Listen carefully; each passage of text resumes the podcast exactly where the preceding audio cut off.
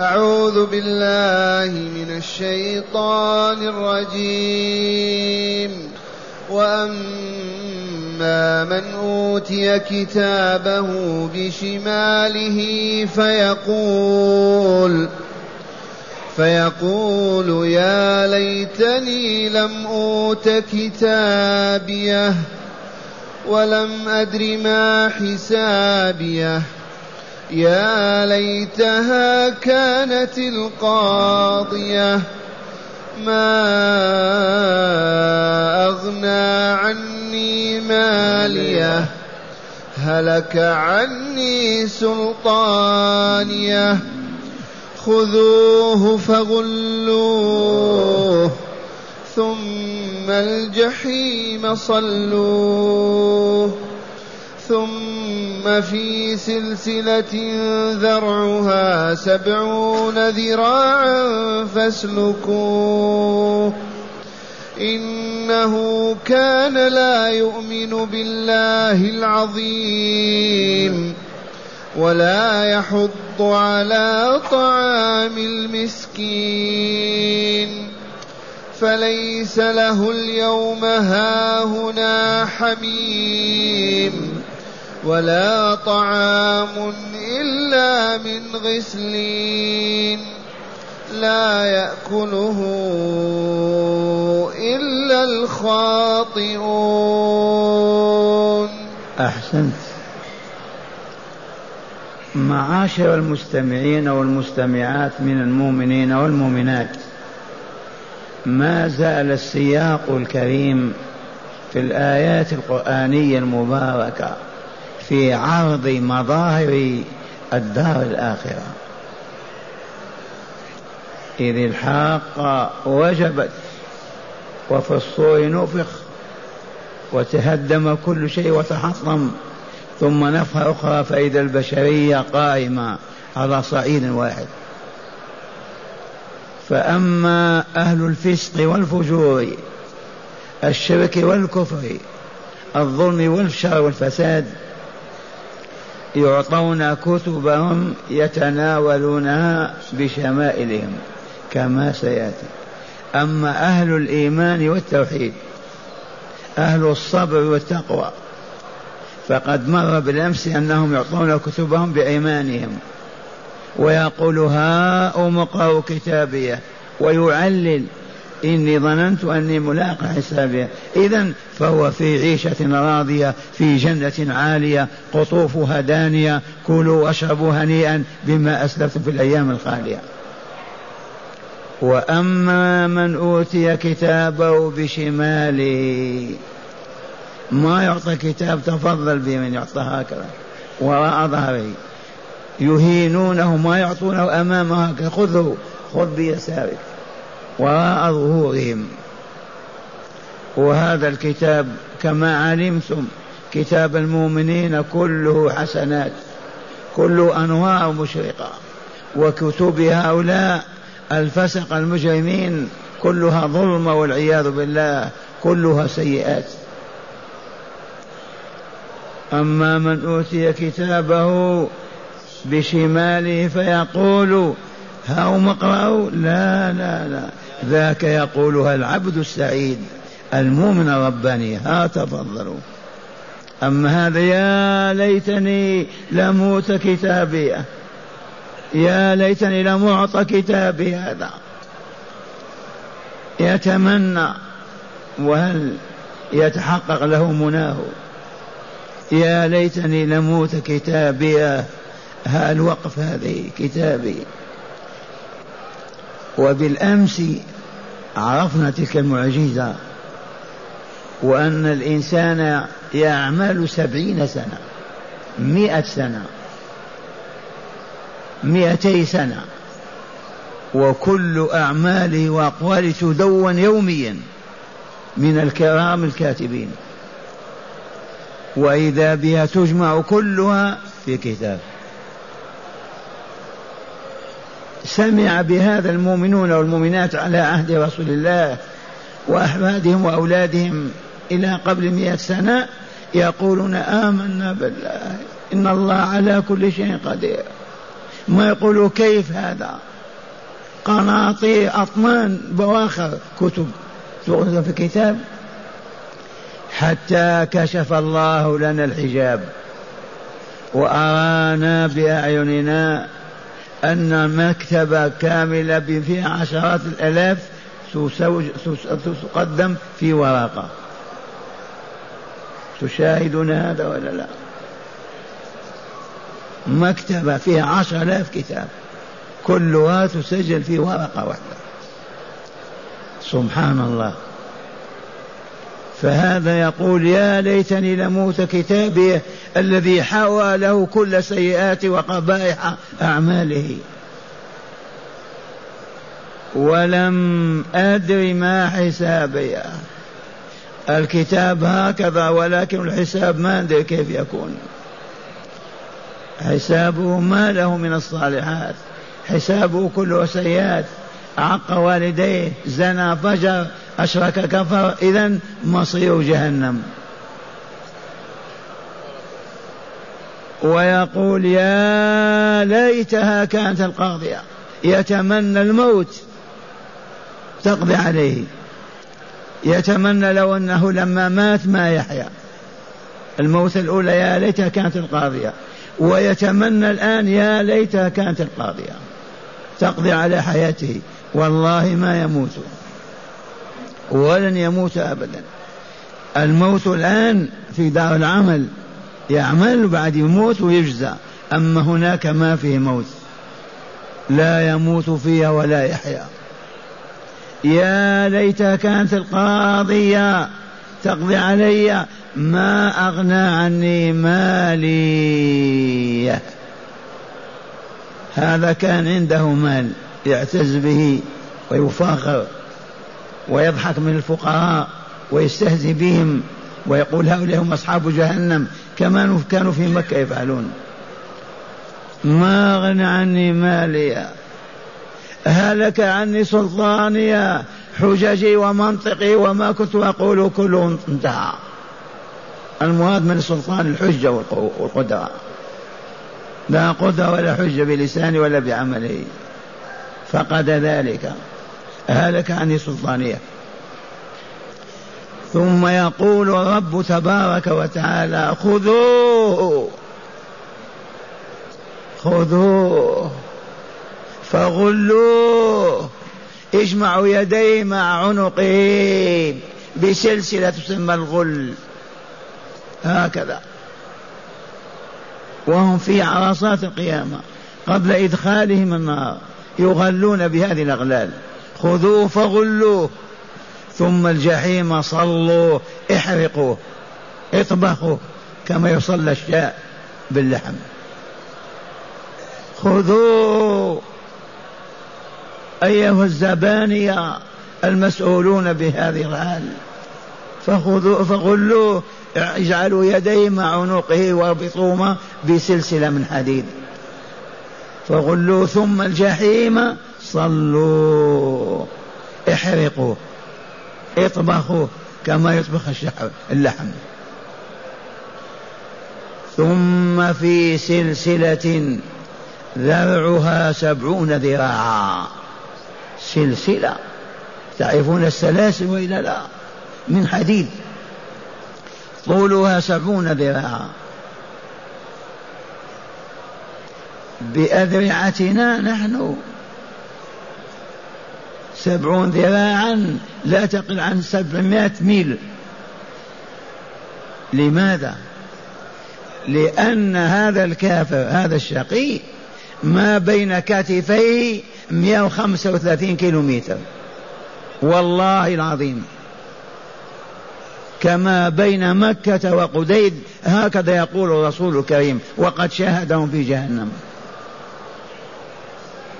كما بين مكة وقديد وضرسه كجبل أحد. بهذا أخبر أبو القاسم فداه أبي وأمي وصلى الله عليه ألف وألف وسلم. ضرس الكافر والله كجبل أحد. تعرفون جبل أحد. إذا ضرسه هكذا وعرضه هكذا طوله كم. كم يكون طوله فلهذا سلسلة ذرعها سبعون ذراعا بذلك الوقت بتلك الأذرع. ويدخلونها من دبره ويخرجونها من فيه ورواية تقول من منخره. أعوذ بالله أعوذ بالله نعوذ بالله نعوذ بالله. كيف البشرية مقبلة على هذا؟ اليهود والنصارى والشيوعون والمجوس. والكفار والمجرمون مقبلون على هذا البلاء ولا يبكون ولا يصرخون. قولوا الحمد لله أن أسلمنا قلوبنا لربنا وطرحنا بين يدي مولانا. لا نخرج عن طاعته أبدا ولا نفسق عن أمره حتى يتوفانا مسلمين في سلسلة ذرعها سبعون ذراعا فاسلكوا فيها. أدخلوها من دبره وأخرجوها من فيه أو من فيه وأخرجوها من دبره. سبعون ذراعا فاسلكوه.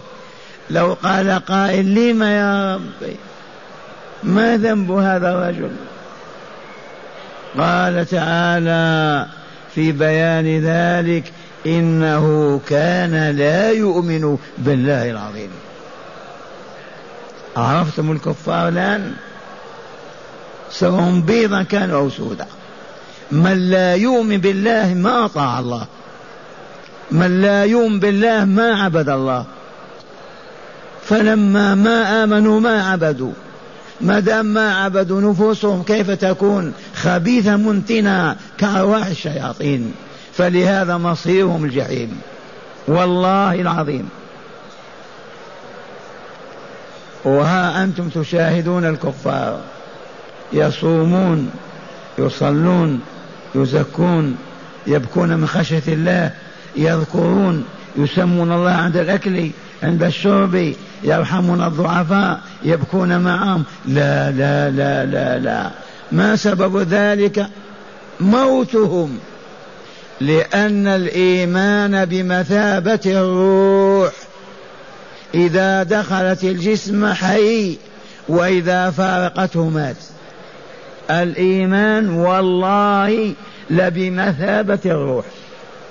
من دخل الإيمان في قلبه أصبح يسمع يبصر ينطق يعطي يأخذ يذهب يجيء لحياته.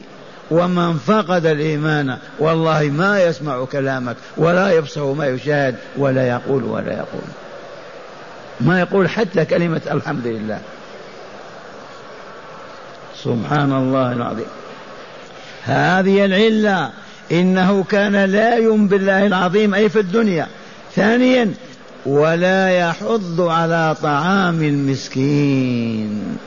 ومعنى هذا ما كان يزكي. ما زكى ماله فتزكو به نفسه. ما كان يرحم الفقراء والمساكين. هذه حاله وهذا جزاؤه.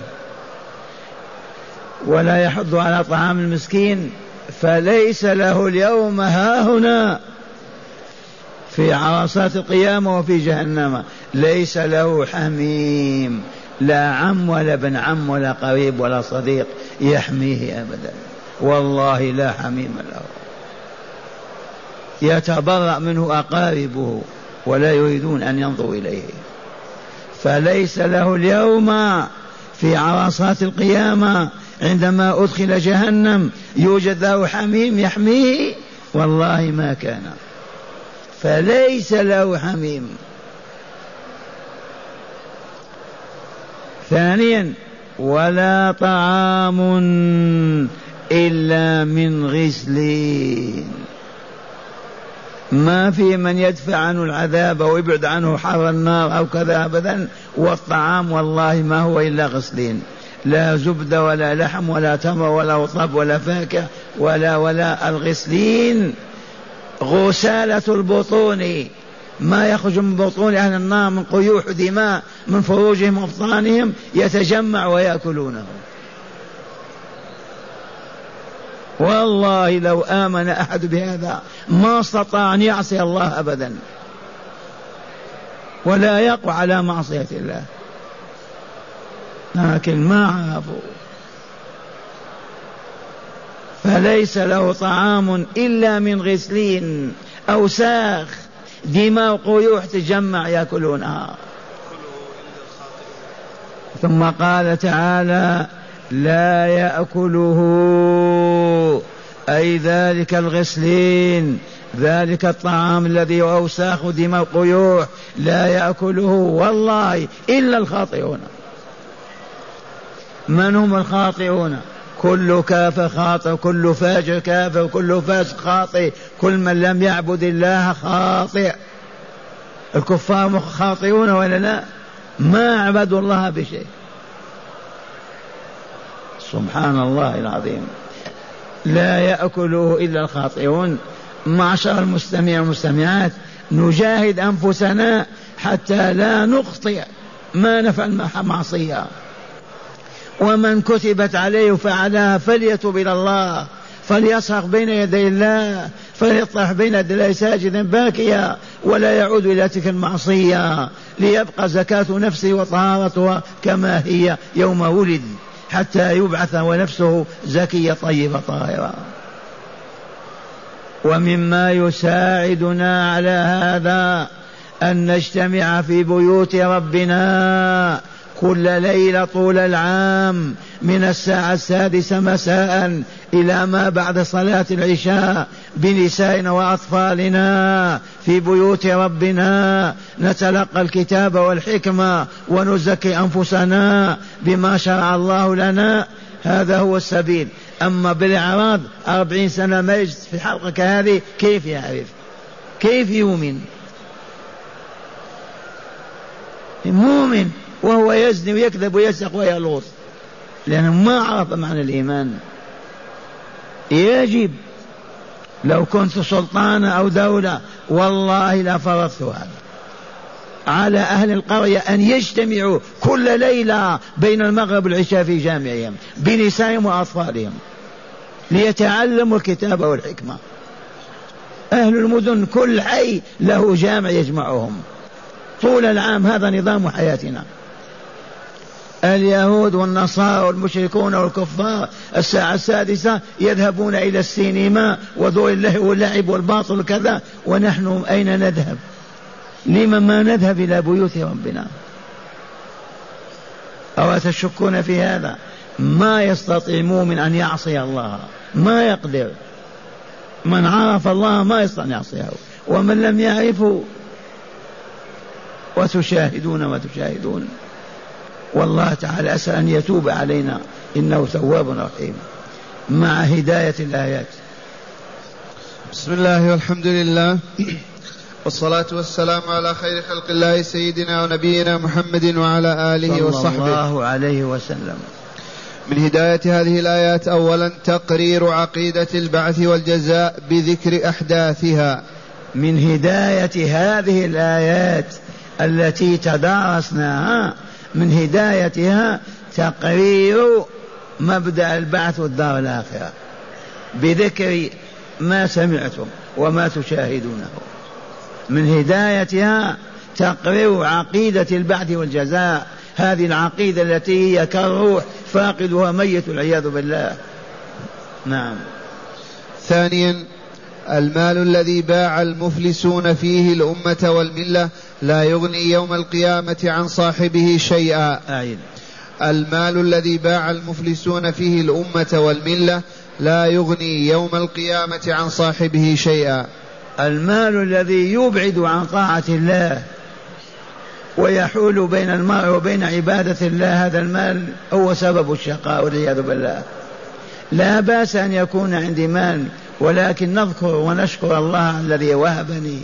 وأنفقه فيما يحب ربي. أما أن ننفقه في المعاصي أو نمنعه ونجحده وما نعطيه لأولياء الله وعباده فالمال هذا سبب الشقاء. ثالثا التنديد بالكفر بالله وأهله. من هداية الآيات التنديد بالكفر وأهله والعياذ بالله. ما ندت الآيات بهم؟ والعياذ بالله. نعم. وأخيرا عظم جريمة منع الحقوق المالية من الزكاة وغيرها. من هداية الآيات بيان عظم جريمة منع الزكاة ومنع الحقوق والعياذ بالله. والله تعالى أسأل أن يوفقنا ويثبتنا. والآن نستمع الآيات مجودة. أعوذ بالله من الشيطان الرجيم. وأما من أوتي كتابه بشماله فيقول فيقول يا ليتني لم أوت كتابيه ولم أدر ما حسابيه يا ليتها كانت القاضية ما أغنى عني ماليه هلك عني سلطانيه خذوه فغلوه ثم الجحيم صلوه ثم في سلسلة ذرعها سبعون ذراعا فاسلكوه إنه كان لا يؤمن بالله العظيم ولا يحض على طعام المسكين فليس له اليوم هاهنا حميم ولا طعام إلا من غسلين لا يأكله إلا الخاطئون.